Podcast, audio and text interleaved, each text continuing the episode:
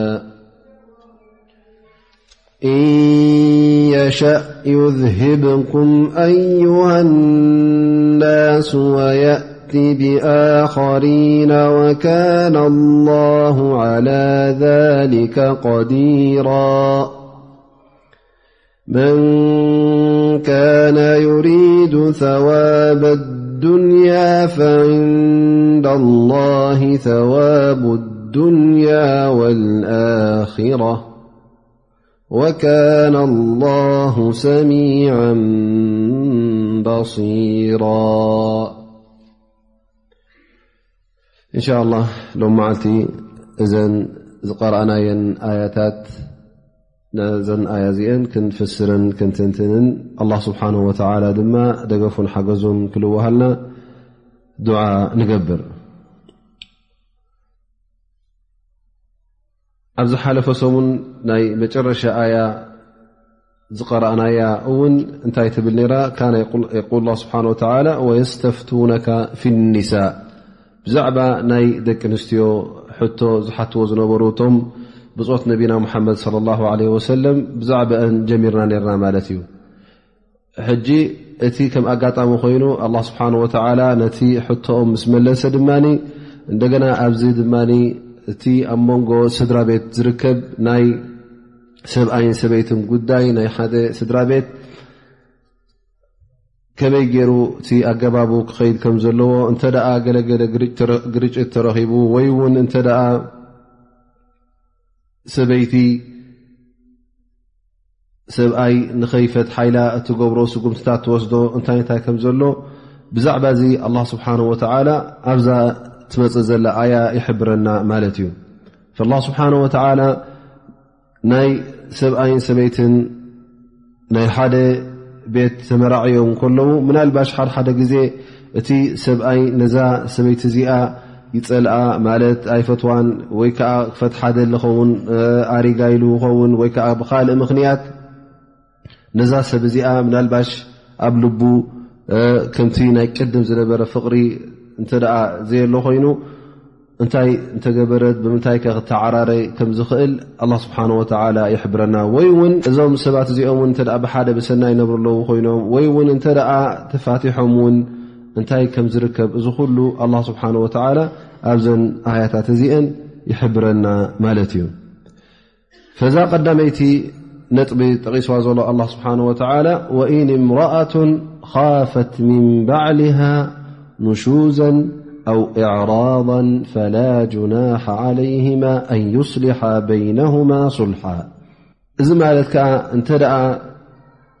ሰበይቲ ጓል ኣንስተይቲ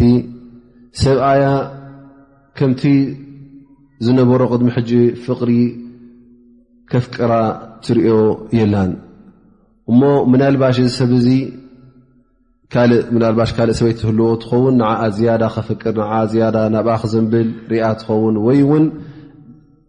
ንዓኣ ፈቲሑ ንኻልእ ከምፅእ ይሓስብ ከም ዘሎ እንተ ደኣ እዚ ጉዳይ እዚ ርኣ ምናልባሽ እዛ ሰብ እዚኣ ክትተዓረቆ ብገለ ካብቲ ናታ መሰላት እንተ ኣነስ ከምዝ ከምዝ ንገድፈልካ ኢላ እንተ ኣብ ዕርቂ እቲ ዝነበሮም ናይ ስድራ ንኸይብተን ኣብ ፍትሕ ንኸይበፅሕ ኢላ እንተ ካብ ገለገለት መሰላታ እተ ተናዙል ገይራ እተ ምሒራቶ እዚ ኣብ መንጎ ክልቲኦም ዘሎ ጉዳይ ስለ ዝኾነ እዚ ኣብ መንጎ ክልቲኦም ተገበረ ስምምዕን ዕርቅንሲ ቅቡል ከም ምኳኑ ኣላ ስብሓን ወተላ ይሕብረና ማለት እዩ ምኽንያቱ እዛ ሰብ እዚኣ እቲ ሓዳራ ንኸይብተን ኢላ ምናልባሽ እዚ ሰብ እዚ እሞ ኣነስ ኣሪገዮ ኮይነ ናፍታ ካልይቲ ወይ ናፍታ ሳለሰይቲ ወይ ካልእ ክምርዖ እተ ኣሎ ኮይኑ እሞ ኣነስ ንኽትምርዖ ኣፍቅደልካ እየ ደሓነይ ጥራይ እቲ ኣብ መንጎና ዘሎ ናብራ ክብተን ኣይደልን እየ እስኻ ትመርዒኻ ዋላ እውን ኣነ ዓብየ ስለ ዝኾንኩ እቲ ከም ቀደም ክትመፃኒ ግዴታ ኣይብለካን እየ ምሳይ ክትሓድር ምሳይ ክተብል ስለዚ ወይ ውን እዛ ሰብ እዚኣ እኹል ገንዘብ ህልዋ ኸውን ዋላ ውን ካብቲ ትበኒ ነበርካ ገንዘብ እውን ኣነ ምሒረካ ኢላ እተ ክትምሕሮ ኮይና ጥራይ ነቲ ዘሎ ስድራ ቤት ንክቀውም እተ ካብቲ መሰላታ ካብቲ ንዓ ዝግባእ ሓቅን መሰልን እተ ኣነስ ተናዚለ ኢላ ከምዝ ከምዝ ተናዚለልካ ኣለኹ እተ ኢላ እሞ ክልቲኦም ተሰማሚዖም እዚ ብስምምዖም ዝገብርዎ ኣላ ስብሓን ወተዓላ ቅቡል ስምምዕ ከም ምኳኑ እሱ እውን ብሉፅ ከም ምኳኑ ወስልሑ ኸይር ኢሉ ኣላ ስብሓን ወተዓላ ይሕብረና ማለት እዩ እዘን እዛ ሰብ እዚኣ ብዙሕ መሰላት ኣለዋ ብቐንዱ እዚ ድማ ተገዲዳ ኮነት እንትገብሮ እንተ ደልያ ማለት እዩ ምእንቲ እቲ ሓዳር ንኸይብተና እምበር ዘገድዳ ወገን የለን ተገዲዳ እዝን እዝን መሰላትኪ ካብኡ ተናዙል ግበሪ ኣይትበሃልን እያ ማለት እዩ እሱ ግደፍዮ ኣይትበሃልን እያ ግን ባዕላ ብኢደ ወነንኣ ኣነስ ደሓነይ ጥራይ እቲ ኣብ መንጎና ዘሎ ሓዳር ንክቕፅል እየ ዝዘሊ ዘለኹ ደቅና ንኸይብተኑ ቶም ቆልዑት ንኸይጠፍኡ ኢላ በዝን በዝን ሓሲባ እንተ ገለ ካብቲ መሰላታ ናይ ገንዘብ ጉዳይ ኮይኑ ናይቲ መዓልታዊ ክድመፃን ገዝኣ ኮይኑ ወይ ምስኣን ምሕዳር ኮይኑ እዚ ኩሉ ናታ መሰላት እንተ ኣነስ ደሓነይ ትብል ኮይና እዛ ሰብ እዚኣ ክልቲኦም እተ ተሰማሚዖምሉ ኣላ ስብሓን ወተላ ፈላ ጁናሃ ዓለይሂማ ኢሉ ማለት ኣበር የብሉን ዘንቢ የብሉን ማለት እዛ ሰብ እዚኣ ዘሊምካያ እዛ ሰብ እዚኣ ዋሪድካያ ኣይበሃልን እዩ እሳ ድማ እስኽስ ስለምንታይ ተናዙል ትገብሪ ስለምንታይ ካብቲ መሰላትኪ ድሕሪ ትምለስ ኢልካ እሳ እውን ኣይትግስ ህፅን እያ ማለት ምክንያቱ እዚ ኣላ ስብሓን ወተላ ምናልባሽ ገለገለ ሰባት እቲ ናይ ነፍሲ ወዲ ሰብ ዝተፈላለየ ስለ ዝኾነ ሓደ ሰብ ፅቡቕ ነብር ነይሩ ኮይኑ ዳሕራይ ድሕሪ ነዊሕ ዓመታት ምናልባሽ ነታ ሰበይቱ ንዓ ኣብ መንጎኦም ዝነበረ ፍቕሪ ከም ቀደሙ ክቕፅል ወላ እውን እተዘይከኣለ እዚ እውን ይርከብ ስለ ዝኾነ እሞ ብከም ዝኣመሰለ ዕርቂ እቲ ናይ ሓዳር ጉዳይ ክቕፅል እንተ ደኣ ተኻኢሉስ እሱ ይኹን እሳ ኮይኑ ገለገለ ካብቲ ናቶም መሰላቶም ካብኡ ቁሩብ ኣጉድል እተ ኣቢሎምሲ እዚ ነቲ ሓዳር ክቐፅሎ እንተ ደኣ ኮይኑስ እቲ ዝበለጸ ከም ምዃኑ ኣላህ ስብሓን ወተዓላ ይሕብሮ ማለት እዩ ወሱልሑ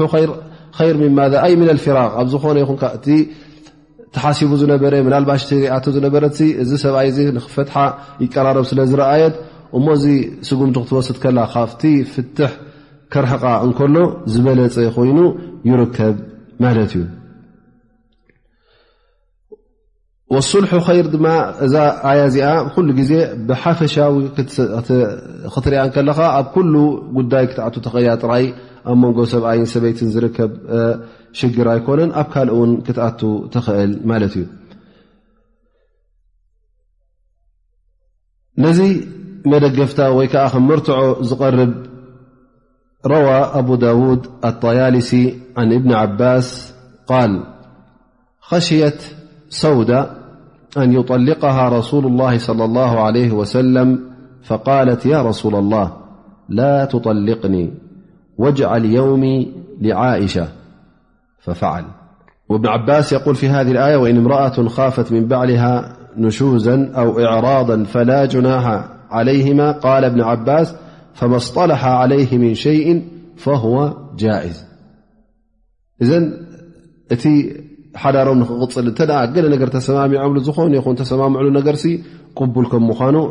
عباسيباوزوجة النبي صلى الله عليه وسلم ሓንቲ ካብተን ናይ ነቢና ሙሓመድ ለ ላ ሰለም ኣንስቲ ሰውዳ ብንቲ ዘምዓ ትበሃል ነራ ማለት እዩ እሳ ሕጂ ዓባይ እያ ነራ እታ ካብተን ዓበይቲ ኣንስቶም ማለት እዩ እሳ ሕጂ ምስ ዓበየት ማለት እዩ ምናልባሽ እነቢ ስለ ላ ለ ወሰለም ንኸይጥልቃ ፈሪሃ እንታይ ትገብር ማለት እዩ ያ ረሱላ ላ ኣነ ዓብየ ዘለኹ ምናልባሽ እውን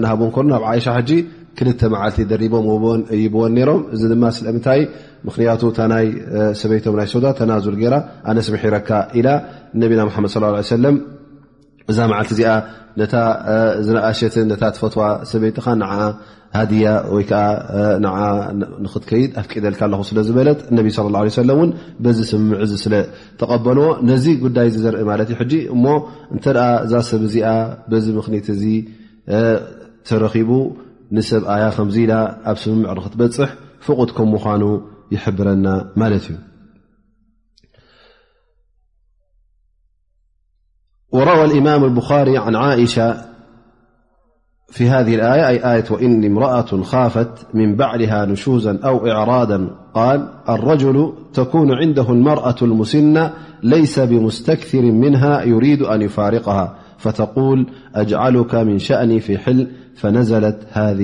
ኣያ እዘ እዛ ኣያ እዚኣ ሕጂ ልከ ምስ ምንታይ ተኣሳሲራ ማለት እዩ እንተ ሓንቲ ሰበይትስ ምስ ዓበየት ምስ ዕድመ ምስ ወሰኸት ብድሕሪኡ እዚ ሰብ እዚ ንኣብነት እዛ ሰበይቲ እዚኣ ከምቲ ናይ ቀደም እቲ ንዕኡ ክትኸድሞ እተ ኮይኑ ከም ቀደም ትኸድሞ የላን ከምኡውን እቲ ዝረኽቦ ዝነበረ ናይ ስምዒት ምስኣ ይረኽቦ የለን ፍቕሪ ይረኽቦ የለን እሞ ሕጂ ኣብ ክንዲ ንዓኣ ዝፈትሓ ንዓይ ኣይትፍትሓኒ ወላ እውን ካልእ ተመርዖ ድሓነ ኣነ ውን እቲ ናይ ንዓይ ትቦ ዝነበርካ ናይ ገንዘብ ኮይኑ ናይ ምምፃ ኮይኑ ኣነ ውን እሱ ምሒረካ እንተ ኢላቶስ እዚ እውን ቅቡል ከም ምዃኑ ኣነቢ ኣላ ስብሓን ወተላ ነዚ ነገር እዚ ንኸረጋግፅ ኢሉ ዘውረዳ ኣያ እዩ ትብል ኢሉ እማም ኣልቡኻሪ ነዚ ሓዲስ እዚ የመሓላልፍ ማለት እዩ እዘን ብክልተ መርትዖ ተረኪቦ ማለት እዩ እዚ ቀዳማይ ነገር በቲ ናይ ኣያት ቁርን ዝረከብናዮ በዛ ኣያ እዚኣ ካልኣይ ድማ ኣነቢይ ለ ላ ለ ወሰለም ብዝሓበሩና ማለት እዩ ምስ ግዛእ ርእሶም ምስ ሰውዳ ብንቲ ዘምዓ እተረክበ ጉዳይ ማለት እዩ ንሳ እቲ መዓልቲ ናታ ካብኡ ተናዙል ገይራ ንሰይድ ዓይሻ ረ ላ ን ኣመሓላሊፋትለን ነቢ ለ ለ ሰለም እውን ተቐቢሎም ማለት እዩ ስለዚ እቲ እስልምና ኩሉ ግዜ ኣብ ክንዲ ምፍጥጣሕን ኣብ ክንዲ ፋሕ ብትን ምባልን ብዝኾነ ይኹን ጉዳይ ሲ ኣብ መንጎ ሰብኣይን ሰበይትን እንተ ሽግር ተረኺቡ እንተ ገለ ሕርኽርኽ ተረኺቡስ ኩሉ ግዜ ናብ ስምምዕ ክቐርቡ ከም ዘለዎም ኣብ መንጎኦም ዕርቂ ክርከብ ከም ዘለዎ ናብኡዩ ዝደፋብ ዘለ ላ ስብሓን ወተላ ኩሉ ግዜ ወሱልሑ ይር ይብል ሱልሑ ይር ኩሉ ግዜ ዕርቂ እሱ እዩ እቲ ዝበለፀ ካብ ፍትሕ ኮይኑ ካብ ምባኣስ ኮይኑ ካብ ዝኾነ ይኹን ሽግርሲ ንስኻ ኣንታወት ተባዕታይ ንስኺ እውን ኣንትጓል ንሰይቲ ኩልኹም በብ ወገንኩም ካብቲ መሰላትኩም ካብኡ ቁሩብ ተመሓሒርኩም ኣነ ከምዝ ከምዝ ዝኣመሰለ ምሒረ እስኻ ድማ ኣነ ከምዝ ዝኣመሰለ ምሒረ ኢልካ ክትቀራረብ ከለኻ እቲ ዕርቂ ይርከብ ማለት እዩ እምበር እንተ ንሳ መሰላ ኩሉ ክትረክብ እተ ቀጥ ኣቢላ ሒዛቶ ንስኻ ውን ኩሉ መሰላትካ ቀጥ ኣቢልካ እተ ሒዝካዮ ተሰሓሒብኩም ጥራይ ክትነብሩ ስለ ዝኾንኩም እቲ ጉዳይ ውን ኣብ ባእስን ኣብ ፍትሕን ኣብ ምፍልላይን ክበፅሕ ስለ ዝኾነ ነዚ ነገር ዚ ንኸይርከብ ኩሉ ግዜ ናብ ዕርቂ ክጓዩ ከም ዘለዎም ኣላ ስብሓን ወተላ ይሕብር ማለት እዩ ذሊክ ኣላ ስብሓን ወተላ ወኣሕضረት ኣንፍሱ ኣሹሓ ኢሉ ይገልፃ ማለት እዩ ዝኾነ ይኹን ነፍሲ ወዲ ሰብ ኩሉ ግዜ ካብቲ መሰላታ ካብቲ ገንዘባ ይኹን ካብ ካልእ ነገራታ ኩሉ ካብ መሰሉ ንክናዘለልካስ እዚ ቀሊል ነገር ኣይኮነን ዝኾነ ይኹን ወዲ ሰብ ኣብ ነፍሱ ኣላ ስብሓን ወላ ኣብቲ ክልቃኡ ኣብቲ ባህርያቱ ኣላ ስብሓን ወተላ ኩሉ ግዜ ነቲ መሰሉ ኩሉ ግዜ ቀጥ ኣቢሉ ብስበስናኑ ከምዝሕዝ ገይርዎ ኸሊቕዎ እዩ ማለት እዩ ስለዚ ወተባዕታይ ኹም ጓንሰይቲ ኩሎም ነቲ መሰሎም ብቐሊል ኣይገድፍዎን እዮም ግን እዚ ጉዳይ እዚ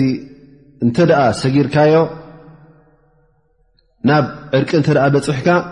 እዚ ዓብዪ ፈተነ ሰጊርካ ማለት እዩ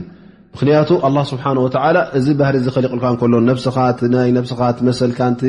ዝግብኣካን ኩሉ ግዜ ቀጣቢልካ ንክትሕዞ ንክወሃበካ ኢካ ደሊ ግን ኣነስ ሊላ ኢልካ ክትገድፎ ከለኻ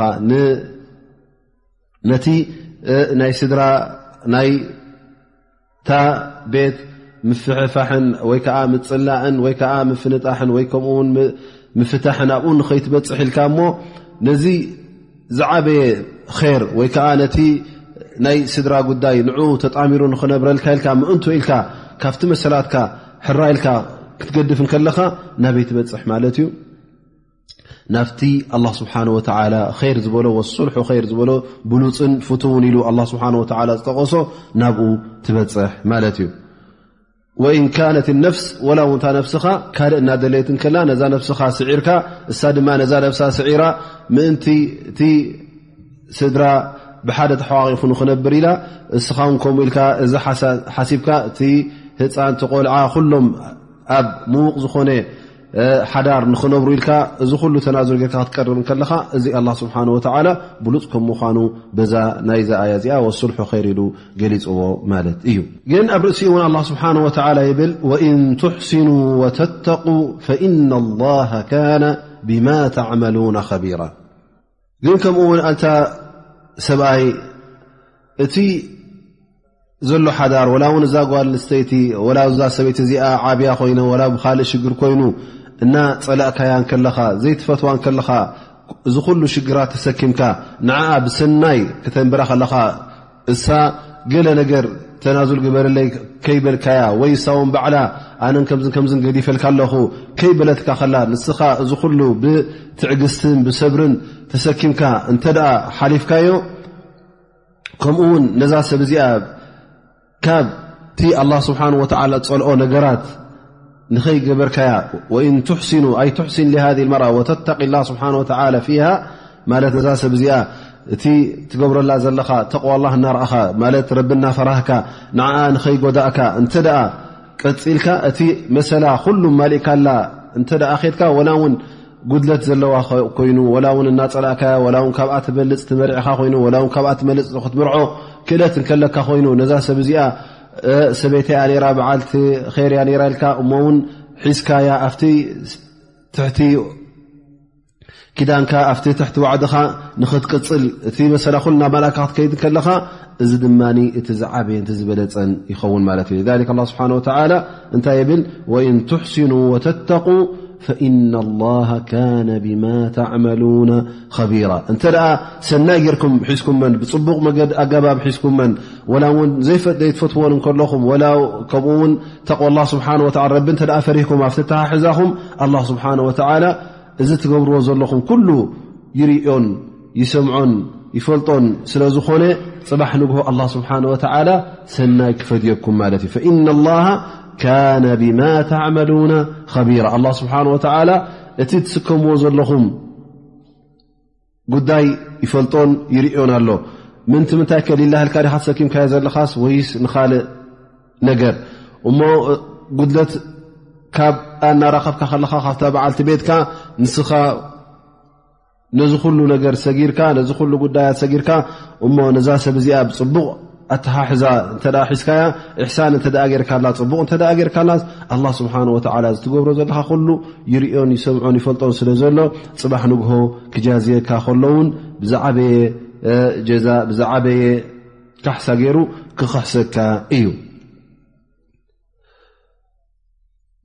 ድሕሪ እዚ ኣላ ስብሓን ወተላ እቲ ሓደ ሰብ እንተ ደኣ ካብ ሓንቲ ንላዕሊ ተመርዒ እውን ሓንቲ ዘይኮነት ክልተ ሰለስተ ክሳዕ ዓርባዕተ ኣንስ እንተ ደኣ ኣለዎ ኮይነን እቲ ንዑ ዘጓንፎ ሽግር ኣላ ስብሓን ወተላ ይሕብረና ማለት እዩ ነዚ ሽግር እዚ ኸ ከመይ ገይሩ ክሰግሮ ይኽእል እንታይ እዩ ካብኡ ዘድሊ ላ ስብሓን ወተላ የቁል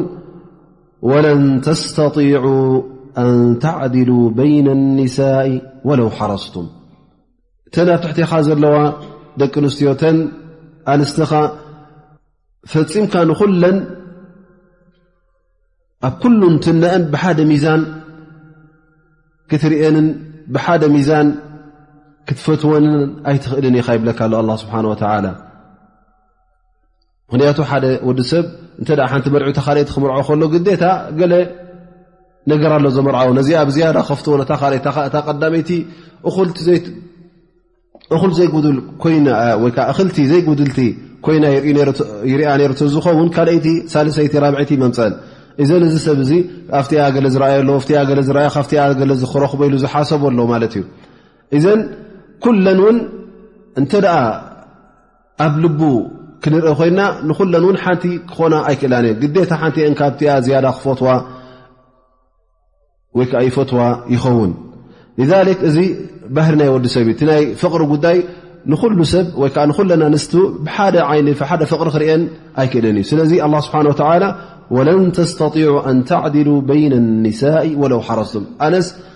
ነዘን ኣንስተይ ኩለን ወላ ፍቕሪ ኮይኑ ወላ ውን ኣብ ኣጠማመታ ኮይኑ ላ ኣብቲ ፍሽኽታ ኮይኑ ላ ውን ኣብቲ ዘረባ ኮይኑ ላ ውን ኣብ ብልዒ ኮይኑ ኣብ መስተ ኮይኑ ኣብ ኩሉ ሓደ ገረ ዓድል ብፍትሒ ከምብሬርየ ዝብል ሰብ ከም ዘይከኣል ገይሩ ኣላ ስብሓን ወተዓላ ይሕብረና ኣሎ ማለት እዩ ስለዚ እንታይ እዩ ደኣ ካባና ዝድለ እንተ ዘይከኣል ኮይኑ ስለምንታይ ኣላ ስብሓን ወተላ ኣፍቂድዎ ንኸይበሃል ኣላ ስብሓን ወተላ እቲ ካባና ዝድለ ይሕብረና ማለት እዩ ምኽንያቱ ኣሎ እስኻ እትኽእሎ ማለት ክትመቕሎን ክተብፅሖን ክትህቦን እትኽእል ኣሎ ኣሎ ድማ ኣብኢትካ ዘይኮነ እዩ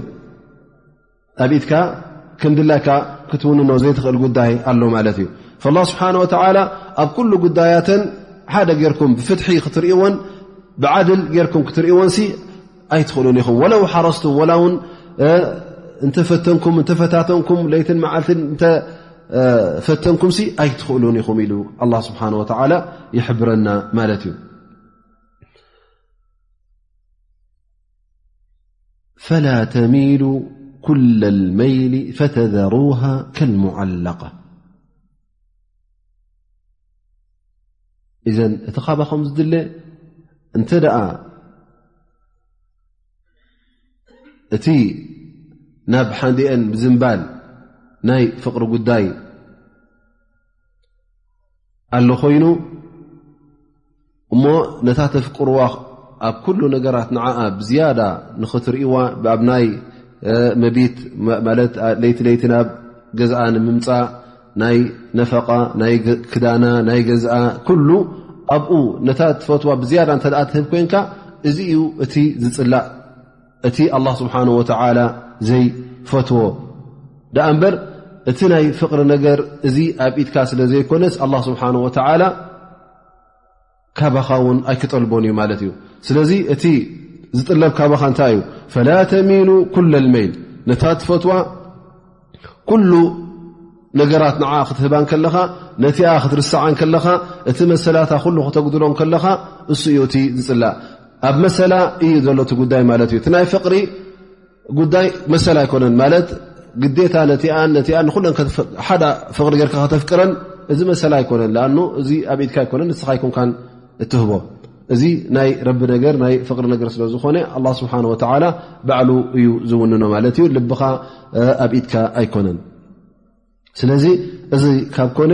እቲ ካባኻ ዝድለ እቲ ተግባር ማለት እዩ እቲ ተግባር እቲ ባዕልኻ ክትገብሮ ትኽእል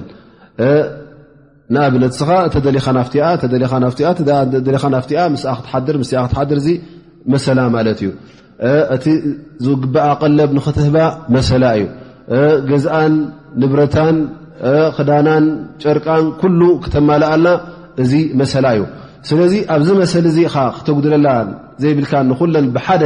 ዓይኒ ክትርአን ዘለካ ደኣ እምበር ኣብ ካልእ እዚ ካባኻ ዝጥለብ ኣይኮነን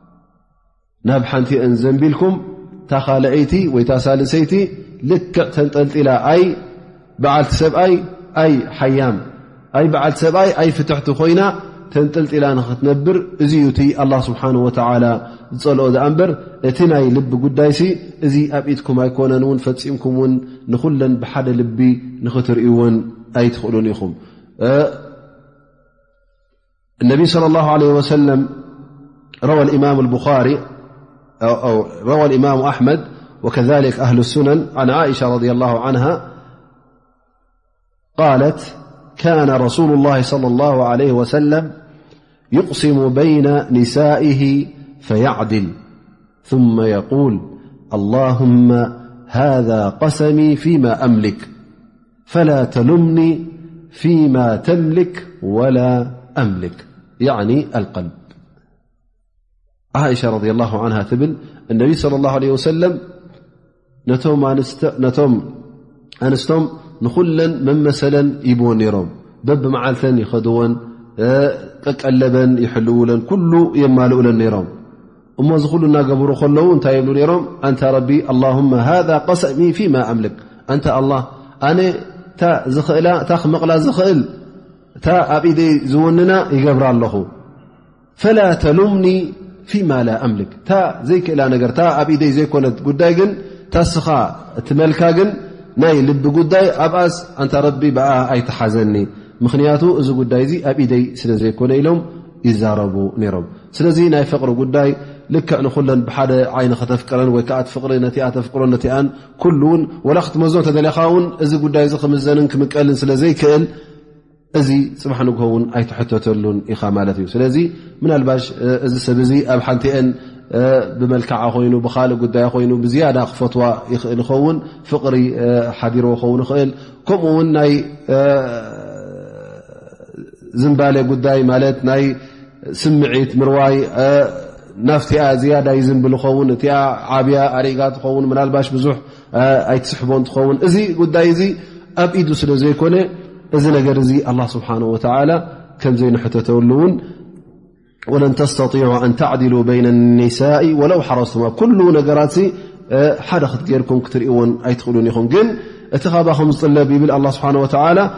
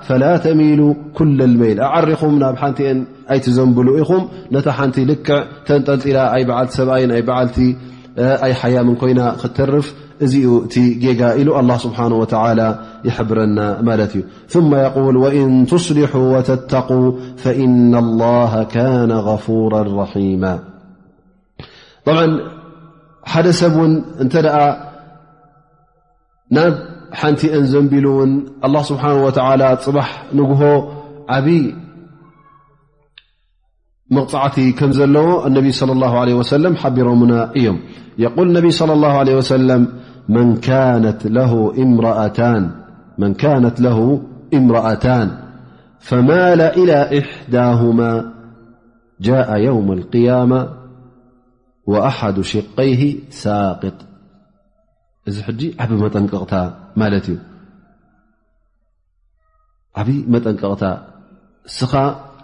ከምዚ ኣላ ስብሓን ወላ ዝብሎ ዘሎ ምናልባሽ ነዛ ኣያ እዚኣ ኣብኡ ከለካ ጥቕልል ኣቢልካ ወሲድካ ኣላ ስብሓን ወላ ባዕሉ እውን ወለን ተስተጢዑ ኣንተዕዲሉ ልና እሞ እንታይ ክንገብር ኢልካ ነቲ ብድሕሪኣ ዘሎ ረሲዕካ ፈላ ተሚሉ ኩለ ልመይል ንዕኡ ረሲዕካ ምናልባሽ ኣነ እዚ ዝከኣለኒ ኢልካ እቲ ዝከኣለካ ንዕኡ እውን ሸለል ክትብል ከለኻ ኣላ ስብሓን ወተላ ምእንቲ ናብዚ ጌጋ ዚ ንኸይትወድቕ እነቢ ለ ላ ለ ወሰለም እዚ ሓበሬታ ሂቦምኻ እዮም ፈዮም ኣልቅያማ እዚ ሰብ እዚ እንተ ሓደ ሰብ ኣብ ኣዱንያ ክልተ ኣንስቲ ነረንኦ ኮይኑ እሞ እዚ ሰብ እዚ ናብ ሓንቲአን እንተ ዘንቢሉ እቲ ናይ ፍቕሪ ጉዳይ ኣይኮነን እንታይ ደኣ ናይ ኩሉ ነገራቱ ማለት እዩ እቲ መሰላ ኣብቲ ጉዳይ ናይ መሰላታ ማለት እዩ ካብቲ መሰላታ ነዚኣ ኣጉዲሉ ነቲ ኣብ ዝያዳ ንዓኣ እንተ ሂብዋ ዮም ኣልቅያማ እዚ ሰብ እዚ ይብል ነቢና ሙሓመድ ለ ላ ለ ወሰለም ሓደ ጎኑ ወዲቑ ወይ ከዓ ንሓደ ጎኑ ዘንቢሉ ክመፅእ ከም ምኳኑ ይሕብሩ ማለት እዩ ጃ የውም ኣልቅያማ ወኣሓዱ ሽቀይ ሳቅጥ እዚ ሓደ ጎኑ ልክዕ ከም ዝወደቐ ኮይኑ ይመፅእ ማለት እዩ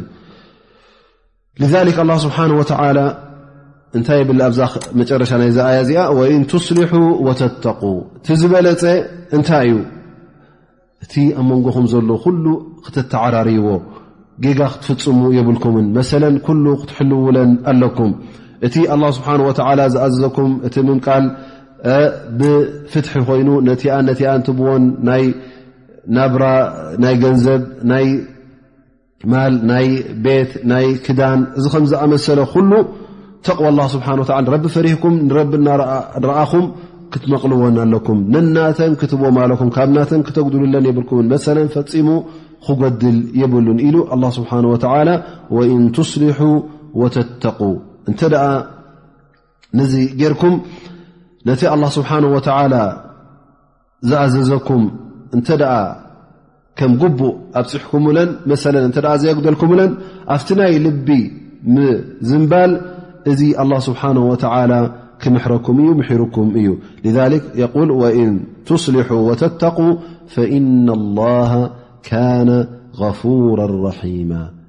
እቲ ኣብ ሓንቲኤን ፍቕሪ ዝያዳ ዝነበረ ዝምባለ ዝነበረ ኣላ ስብሓን ወተዓላ በቲ ነዛ ነብስኹም ትቃለስዎ ዝነበርኩም እሞ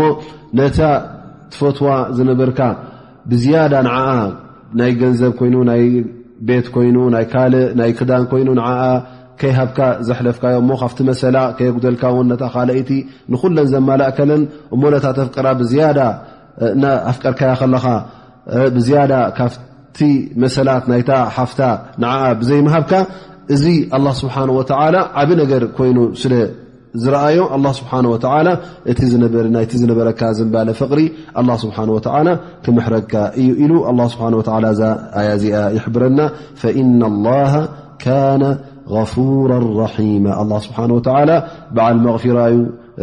ክምሕረካ እዩ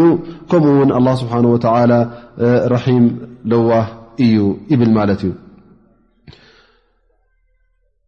እዚ እንተ እንታይ ኮይኖም ማለት እዩ ላስ ብስኒት እተ ነቢርካ ማለት እዩ ኩሉኻ እቲ ወተባዕታይ መመሰሉ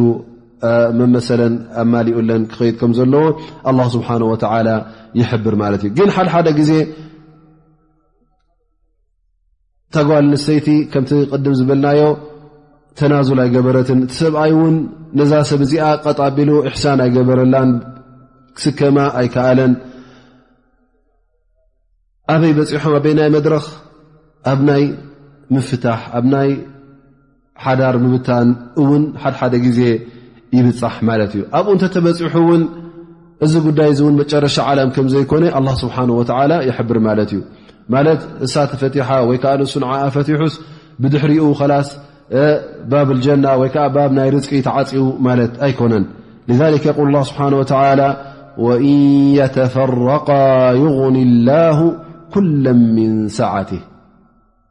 ወካነ ላሁ ዋሲዓ ሓኪማ እንተ እዞም ክልተ ሰብ እዞም ሰብኣይን ሰበይትን እንተ ተፋትሖም ከ እተ ተፈላልዮም ከ ኣላ ስብሓን ወተዓላ ነዞም ሰባት እዚኦም ከምቲ ቅድሚ ሕጂ እዛ ሰብ እዚኣ ኣላ ስብሓን ወተዓላ በዚ ሰብኣይ ዝረዘቓ ከምኡ ውን ነዚ ሰብኣይ እዚ በዛ ጓል ንሰይቲ እዚኣ ዝረዘቆ እንደገና ናቶም ርዝቂ እውን ብድሕሪ ሕጂ እውን ከም ዘሎ ክርስዑ የብሎምን ኣላ ስብሓን ወተላ ንክልቲኦም ካብቲ ርዝቁ ወይከዓ ካብቲ ሽሻይ ይኽቦም ከም ምኳኑ ቃል ኣትሎም እዩ የል ወእን የተፈረቀ ይغኒ ላሁ ኩለ ምን ሰዓት ማለት እዚ ሰብ እዚ ፈትሕዋ ላስ ድሕሪ ሕጂ እዛ ሰብ እዚኣ ሰብኣይ ኣይትረክብን እያ ማለት ኣይኮነን ስኻ ውን ሰበይቲ ትረክብን ማለት ኣይኮነን እንታይ ኣ ላ ስብሓ ወላ ነናትኩም ርርዝቅኹም ሒዙልኩም ኣሎ ኣ ስብሓ እተ ብሰናይ ውን ተፈላልዮም እዞም ሰባት እዚኦም ኣ ስብሓ ወላ ፅባሕ ንግሆ ነናቶም ንዕኦም ዝኸውን ክቦም እዩ በል ኣላ ስብሓን ወተላ ምናልባሽ ነዛ ሰብ እዚኣ ንዓኣ ካብቲ ቅድም ዝነበረ ሰብኣያ ካብቲ ዝፈትሓ ሰብኣያ ንዓ ዝበለፀን ዝሓሸን ሓደ ኣፅኒሑላ ይህሉ ከምኡ ውን ንዓኻ ካብኣ ንዓኻ ዝበለፀትን ንዓኻ ዝሓሸትን ንዓኻ ትጠቅምን ኣላ ስብሓን ወተላ ፈድየካ ይኸውን ስለዚ እቲ ፍትሕ እውን እተ ተበፂሑ ኩሉ ግዜ ናይ መጨረሻ ዓለም ማለት ኣይኮነን ጥፍኣት ኩሉ ጥፍኣት ማለት ኣይኮነን ኣላ ስብሓን ወተላ ነናህና ረርዝቅና ሒዙልና ኣሎ ማለት እዩ ወእን የተፈረቃ ዩغኒ ላሁ ኩለ ምን ሰዓት ወካነ ላሁ ዋስዓ ሓኪማ ኣላ ስብሓን ወተዓላ ድማ እቲ ርዝቂ ናቱ ሽሻይ ናቱ ሰፊሕ ስለ ዝኾነ ንዞም ፍጡራቱ ንኸልቁ እውን በቢ ዓይነቱ ርዝቅን በቢ ዓይነቱ ብልፀትን በቢ ዓይነቱ ብልጫን ይህቦም እዩ ስለዚ ካብ ኣላ ስብሓን ወተዓላ ክሓት ኣለዎም ኣላ ስብሓን ወተዓላ እውን ነዚ ሰብኣይ እ ነዛ ሰበይቲ እዚኣ እውን እንተ ደኣ እቲ ዝነበረ ሓዳር ተበቲኑ ኣጉሂዎም እውን ፅባሕ ንግሆ ኣላ ስብሓን ወተዓላ ናብኡ ክውጅሁ ኣለዎም ኣላ ስብሓን ወተዓላ እውን ካብቲ ዝነበርዎ ሓዳር ዝበለፀ ሓዳር ሓዱሽ ሓዳር እውን ክፈድዮም ከኣሊ እዩ ምኽንያቱ ኣላ ስብሓን ወተዓላ ይቕሂቦም ቅድሚ ሕጂ ብድሕሪ ሕጂ እውን ኣላ ስብሓን ወተዓላ እዩ ዝቦም እሱ እዩ እውን እቲ ንዕኦም ሰናይን ኸይርን ዝኾነ ዝፈልጠሎም እዘን ናብ ኣላ ስብሓን ወተዓላ ክውጅሁ ኣለዎም ኣላ ስብሓን ወተዓላ እውን እቲ ተረኽበ ፍትሕ እውን ብናቱ ጥበብ ከም ምዃኑ ኣን ላ ስብሓ ላ ይል ዋሲዓን ሓኪማ እቲ ንፍትሕ ኣላ ስብሓን ወላ ዝሸርዖ ኣብ ዲን እስላም ሸሪዓዊ ዝገበሮ ንሕክማ እዩ ኣላ ስብሓን ወተላ ባዕሉ እዚ ነገር እዚ ብጥበብ እጠቅም ስለ ዝኾነ ር ስለ ዘለዎ ጉድኣት ጥራይ ስለ ዘይኮነ ብዘይብኡ እውን ዓለም ክካየድ ስለ ዘይክእል እቲ ናይ ስድራ ነገር ወይ ብሓደ ተፋቒሮም ነብሩ እንተ ተባኢሶም እውን ግዴታ ዘይትፈትዋ ከለኻ ዘይትፈትወካ ከልና ናይ ግድን ብሓደ ክትነብሩ ኣለኩም ዝበሃል ነገር የለን ኣን ስብሓ ወላ ያዕለሙ ኸልቃ ማለት ደቂ ሰብ እንታይ ዓይነት ባህርያት ከም ዘለዎም እንታይ ከም ዘድልዮም ከመይ ከም ምዃኖም ኣላ ስብሓን ወላ ፈልጥ እዩ እሞ እቲ ሸሪዕዎ ዘሎ እቲ ናይ ፍትሕ ንኽርከብ ውን እዚ ጉዳይ እዚ ጠቓሚ ስለ ዝኾነ ኣብ ዕፁው መድረኽ እንተ በፂሕካ ተሰሓሒብካ ኣቢልካ እንተ እቲ ዝነበረ ናይ ስድራ ፍቕርን ናይ ስድራ ናይ እዚ ቤት እዚ ፍታውን እንተ ተወዲኡስ ኣላ ስብሓን ወተላ ነዚ እውን መፍትሒ ገይሩሉ ማለት እዩ ከም መፍትሒ እዛ ጉዳይ እዚኣ እቲ ዝነበረ ሓዳር ሰብኣይን ሰበይትን ክፋትሑ ከም ዘለዎም እንተ ተፋትሖም እውን እዚ ንዕኦም ር ከም ምኳኑ ይሕብሮም ማለት እዩ እበር እንተ ብሓይሊ ክነብሩ ኮይኖም እቲ ሕጊ እውን ኣይትፋትሑ ዝብል ሓንሳ ተመሪዕኹም ኣይትፋትሑ ዝብል እተ ኮይኑ እዞም ሰባት እዚኦም ተመራዕዮም ንሽም እዩ ሰብኣይን ሰበይትን ክበሃል ዳኣ እበር እቲ ከም ዝግባእ ናይ ምውላድ ይኹን ከምኡ ውን ናይቲ ፅቡቕ ናብራ ነቶም ደቆም ፅቡቕ ክሕዙን እዚ ኩሉ ነገራት ክርከብ ኣይኮነን ማለት እዩ ስለዚ ኣላ ስብሓን ወተላ እቲ ናይ ፊራቅ ናይ ሰብኣይን ሰበይትን ክፈላለዩ ከለዉ ብሕክማ ከም ዝገበሮ ብናቶ ጥበብ ከም ዝገበሮ ይሕብረና ማለት እዩ ስለዚ እዚ ተረኪቡ ዘሎ በቲ ኣላ ስብሓን ወተላ ዝቀደሮን በቲ ኣላ ስብሓን ወተላ ዝሸርዖን ስለ ዝኾነ ኩላህና ኣልሓምዱሊላ ኢልና ክንቅበሎ ኣለና እንተ ካብኡ ካብቲ ዝነበረ ናብራ ዝበለፀ ክረክብ እተ ደልዮ ሓደ ሰብ እውን ናብ ኣላ ስብሓን ወላ ካብቲ ርዝቁን ካብቲ ሽሻዩን ክጠልብ ከም ዘለዎ ኣላ ስብሓን ወላ ኣብዛ ኣያ እዚኣ ይغኒ ላሁ ኩለ ምን ሰዓቲ ስለ ዝበለና እሞ እንተ ፍትሕ ተረኪቡ ዝተጨሪሱ ማለት ኣይኮነን ናብ ኣላ ስብሓ ወላ ተወጅህካ ካብቲ ናቱ ሽሻይ ክበካ ይኽእል ከም ምኳኑ ኣላ ስብሓ ወላ እውን ብዓል ሰፊሕ ሽሻይ ከም ምኳኑ ይሕብረና ማለት እዩ ثመ የقል ላ ስብሓ ወላ ወልላ ማ ፊ ሰማዋት ወማ ፊ ኣርض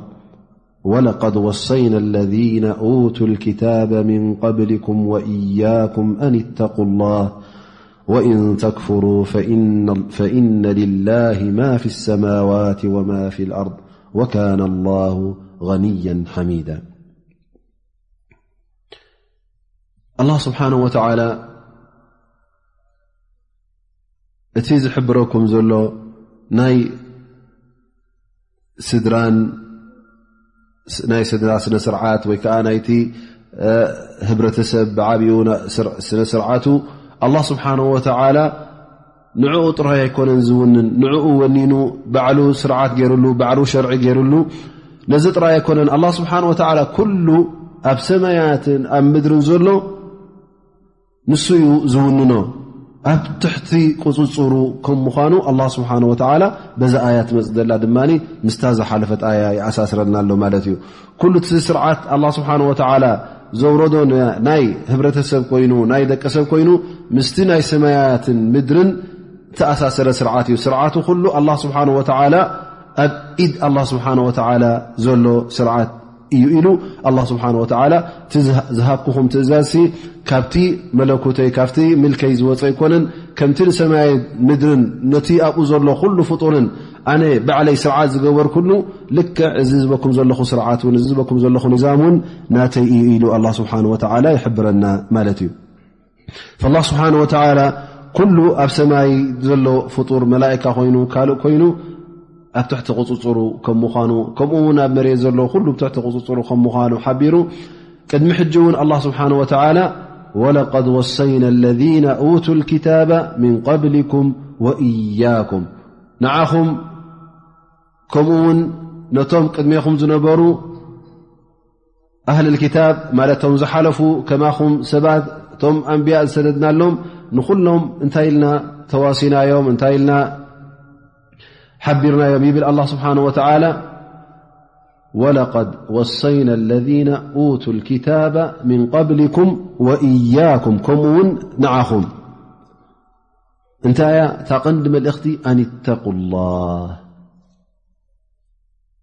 ማለት እቲ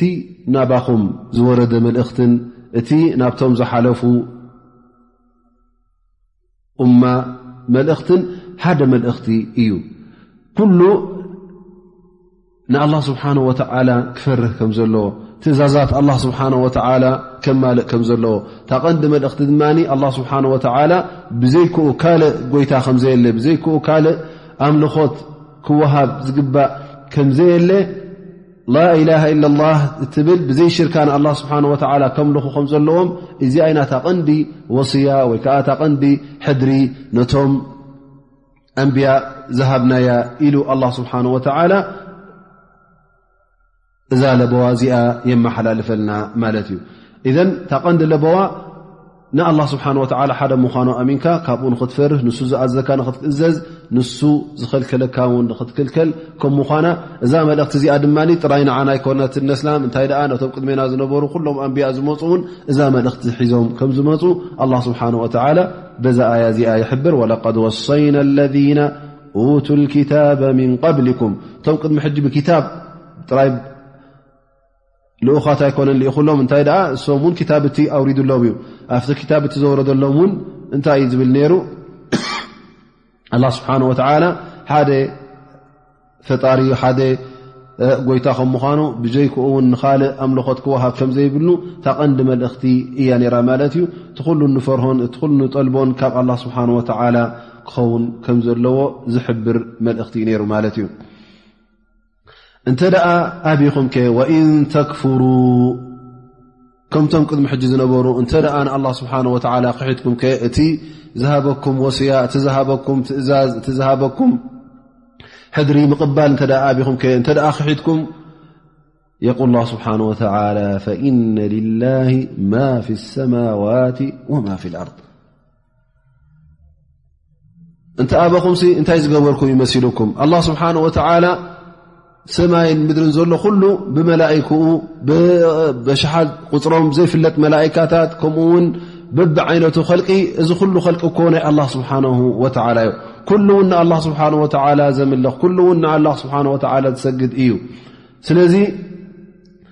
ንኣላ ስብሓን ወተዓላ ዝወሰኽኩምሞ ኣይምሰልኩም እሞ ትእዛዝ ኣላ ስብሓን ወላ ክትቅበሉ ከለኹም ንኣላ ዝወሰኽኩሞ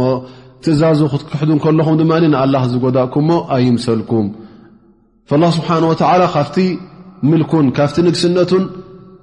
ፈፂምኩም ዝኾነ ይኹን ኣይተጉድልሉን ኢኹም ክሕደትኩም ንኣላ ስብሓን ወተዓላ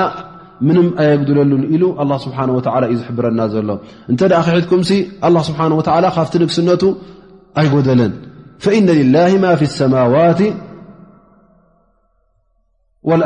ፊ ሰማዋት ወማ ፊ ኣርض ኣብ ናይ ላ ስብሓ ወ ኣብ ኢዱ ዘሎ ማለት እዩ ስለዚ እቲ ክሕደትኩም ፍፁም ካብቲ ንግስነቱን ካብቲ ምልኩን ኣየግደለሉን ኢሉ ኣላ ስብሓን ወላ ይሕብረና ማለት እዩ ሊክ ኣብ ብዙሕ ኣያታት እተዳርእኻ ውን ኣላ ስብሓን ወላ ሰይድና ሙሳ ዳዕዋ ክቅርቡ ከለዉ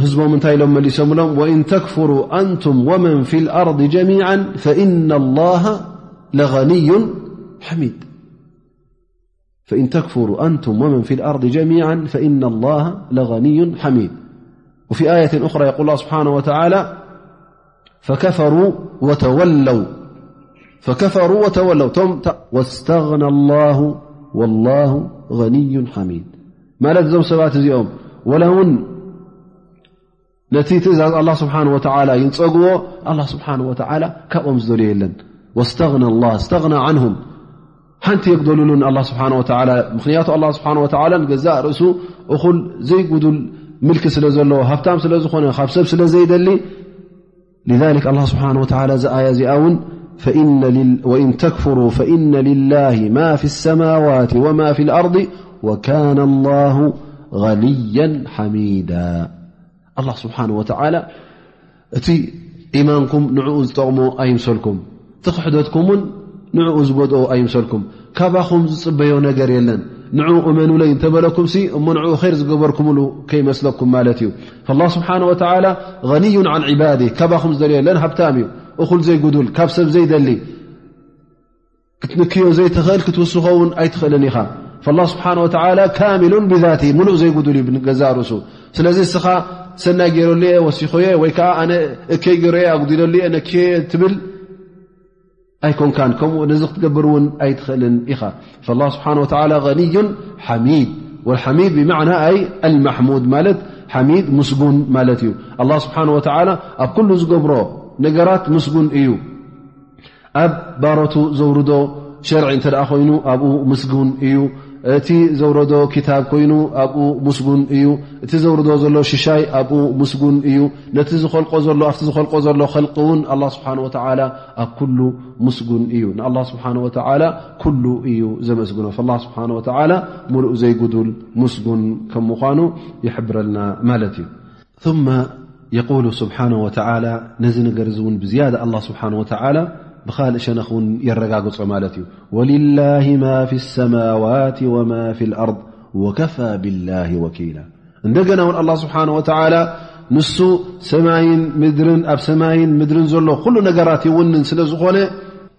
ካብኡ እዩ ዝድለ ካብ ካልእ ዘይድለ ስለ ዝኾነ እንታይ ይብለና ኣሎ ወከፋ ብላሂ ወኪላ እሞ እንታይ ክትገብሩ ኣለኩም ናብኡ ክትፅግዑ ኣለኩም እሱ ካብ ኮነ ነዚ ኩሉ ነገር ዝመልኽ ካብኡ ውን ክትርሕቁ የብልኩውን ወከፋ ብላሂ ወኪላ ኣላ ስብሓን ወተላ ወቃኢም ዓላى ኩል ሸይ ቃይም ዓላى ኩል ነፍሲ ብማ ከሰበት ዝኾነ ትኹን ነፍሲ ኣላ ስብሓን ወተላ ንስኡ ዝርኣን ንስኡ ዝውከላን ንስኡ እንታይ ትገብርላ እታይ ትገብር ዘየላን ኩሉ ኣላ ስብሓን ወላ ንስኡ ዝፈልጦ ስለዚ ናብ መን ክትቀርብ ኣለካ ናብ መን ክትፅጋዕ ኣለካ ናብዚ ኣላ ስብሓን ወተላ ንሱ እዩ ሰማይን ምድርን ዝመልኽ ኣብ ሰማይን ኣብ ምድርን ዘሎ ድማ ኩሉ ናቱ ስለ ዝኾነ እሞ ካብኡ ንላዕሊ ክእለት ዘለዎን ካብኡ ንላዕሊ ክፅግዖ ትኽእል ነገር ስለ ዘየለ ናብ መን ክፅጋዕ ኣለካ ናብ ኣላ ስብሓን ወተላ ክትፅጋዕ ኣለካ ናብኡ ተወክል ክትገብር ኣለካ ካብኡውን ክትደሊ ኣለካ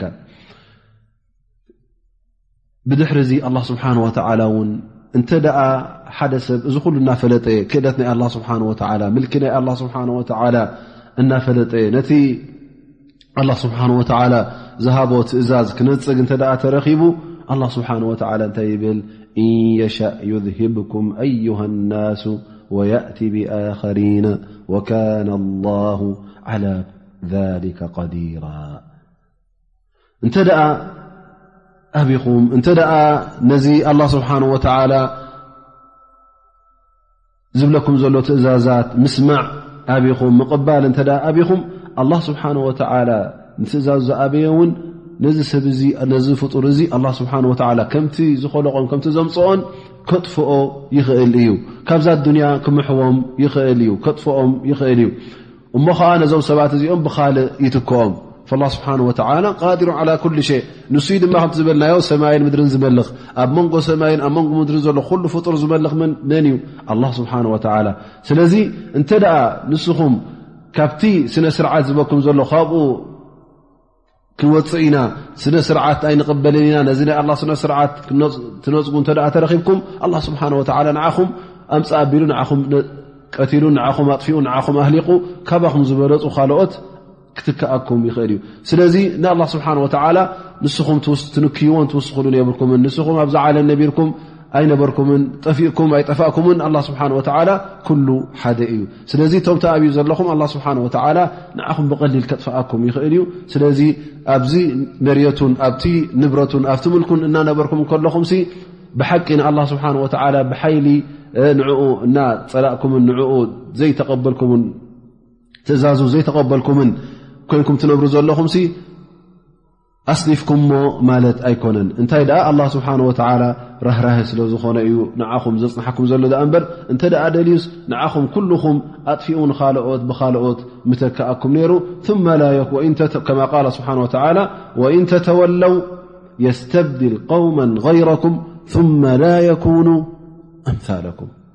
ኣላ ስብሓን ወተዓላ እውን ከምዚ ኢሉ ኣጠንቂቑና እዩ እንተ ኣቢኹም ኣላ ስብሓን ወተዓላ ንዓኹም ኣጥፊኡ ንኻልኦት ካባኹም ዝበልፁ ካባኹም ዝሓሹን ገይሩ ኣብዛ ዓለም እዚኣ ክኸልቆምን ከምፅኦምን ክኣል እዩ ኢሉና እዩ ሊክ ወዲ ሰብ እንታይ ክኸውን ዘለዎ ማለት እዩ እንተ ኣነስ ኣብዛ ኣዱንያ እዚኣ ኣብዛ ምልኪ ናይ ኣላ ስብሓን ወተዓላ እየ ዝነብር ዘለኹ ኣነ ንገዛ ርእሰይ ናይ ኣላ ስብሓን ወተዓላ ምልኪ እየ እሞ ከምቲ እሱ ዝበለኒ ከምቲ እሱ ዝሓንፀፀለይ ስነ ስርዓት በቲ ስነ ስርዓቱ በቲ ሕጉን በቲ ኣገባቡን ክኸይድ ኣለኒ ቐጥ ኣቢለ መገዲ ኣላ ስብሓን ወተዓላ ሒዘ ክኸይድ ኣለኒ ዳኣ እምበር ካብ መገዱ ክወፅእ የብለይን ክብል ኣለዎ ማለት እዩ እምበር ከመይ ጌርካ ንኣላ ስብሓን ወተዓላ ከመይ ጌርካ ንኣላ ስብሓን ወተዓላ ናቱ ሽሻይን ናቱ ርዝቅን እናበላዕካ ኣብ መሬቱ እናሰፈርካ ብናቱ ሓይሊ እናተንቀሳቀስካ ከለኻ ከመይ ጌርካ ንኣላ ስብሓን ወተላ ተዓስዮ ከመይ ጌርካ ንኣላ ስብሓን ወተላ ትእዛዛቱ ትነፅጎ እዚ ዘይከውን ነገር ከም ምኳኑ ኣላ ስብሓን ወተላ ይሕብረካ እሞ እንተ ኣብኻ ውን እተ ምስ መዓቢኻ ውን ኣላ ስብሓን ወተዓላ ክኢለ ኣዩ ንዓኻ ኣጥፊኡ ብኻልኦት ክትክኣካ ስለዚ እቲ ድልትካ ውን ኩሉ ግዜ ናብ ኣላ ስብሓን ወተዓላ ግበሮ ግን ገለ ሰባት ኣለዎ ኩሉ ግዜ ኣብዛ ኣዱንያ እንተ ኣልዮም ኮይኖም እቲ ናይ ኣኼራ ነገር ዝርስዑ ናይ ኣኼራ ነገር ዘይዝክሩ ሊዛሊክ ኩሉ ዝገብሮ ምእንቲ ኣዱንያ ምእንቲ ናይ ግዜያዊ ስምዒትን ናይ ግዜያዊ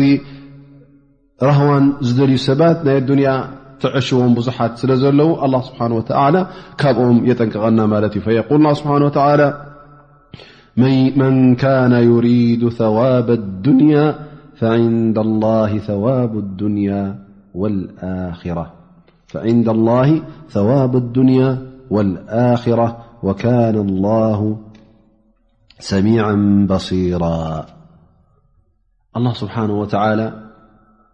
ይብል እንተ ደኣ ናይ ኣዱንያ ነገር ትደሊ ኮንካ ኣላ ስብሓን ወተላ እታ ናይ ኣዱንያ ሂቡካ ብኣዱንያ እውን ከትርፈካ እዩ ግን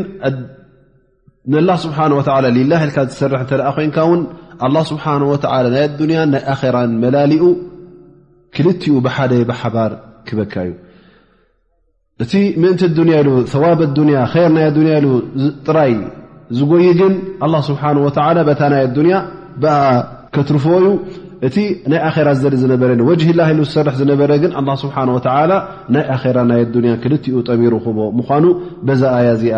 ይሕብረና ማለት እዩ ኣብ ካልእ ኣያታት እውን እንተ ርእና ኣላ ስብሓን ወላ እንታይ ይብል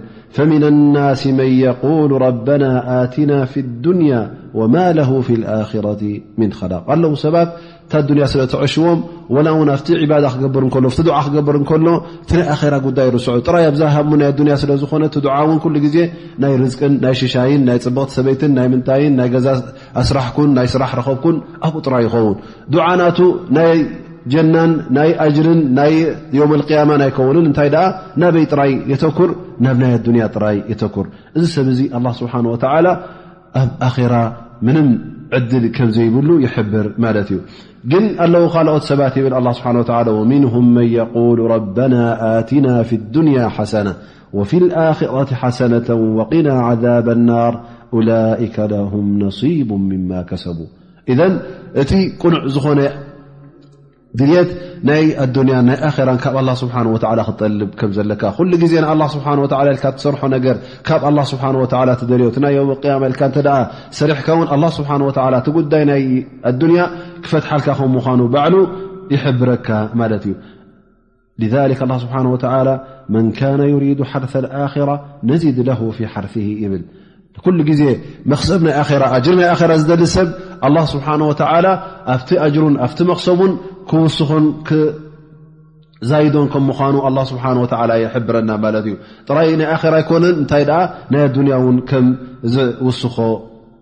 ይሕብረና ማለት እዩ ግን እንተ ጥራይ ናይ ኣዱንያ ሃምኻ ኮይኑ ኣላ ስብሓን ወተላ ሃምኻ ብኣዱንያ ጥራይ እተ ገይርዎ እታ ናይ ኣዱንያ